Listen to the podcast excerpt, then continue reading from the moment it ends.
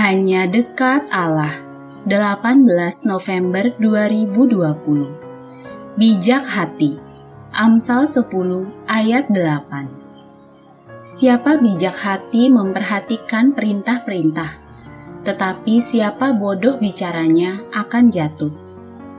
Dalam Alkitab bahasa Indonesia masa kini tertera, orang yang pandai suka menerima nasihat orang yang bicaranya bodoh akan sesat.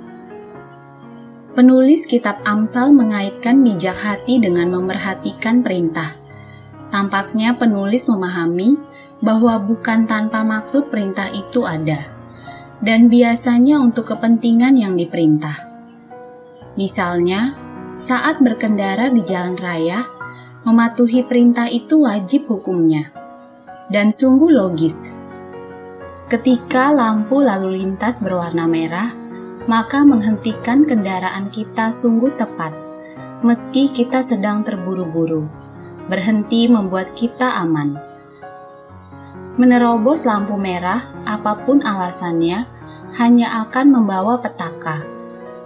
Mungkin tidak bagi kita, tetapi itu membahayakan bagi orang lain. Nah, kalau untuk perintah di jalan raya saja kita senang melakukannya, mengapa perintah orang tua, atasan, atau orang yang mengasihi juga Allah, kita malah seperti enggan melakukannya? Mungkin persoalannya sering memang di sini. Kita jadi lebih suka menawar-nawar suatu perintah.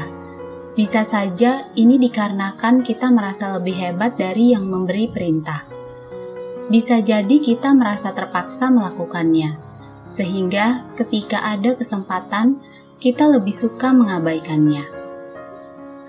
Padahal, catatan penulis Kitab Amsal memperlihatkan bahwa kebijaksanaan seseorang ditentukan oleh bagaimana dia menanggapi suatu perintah, dan menanggapi perintah merupakan hal yang logis, apalagi dalam bisnis menanggapi setiap order dengan sebaik-baiknya merupakan wajib hukumnya.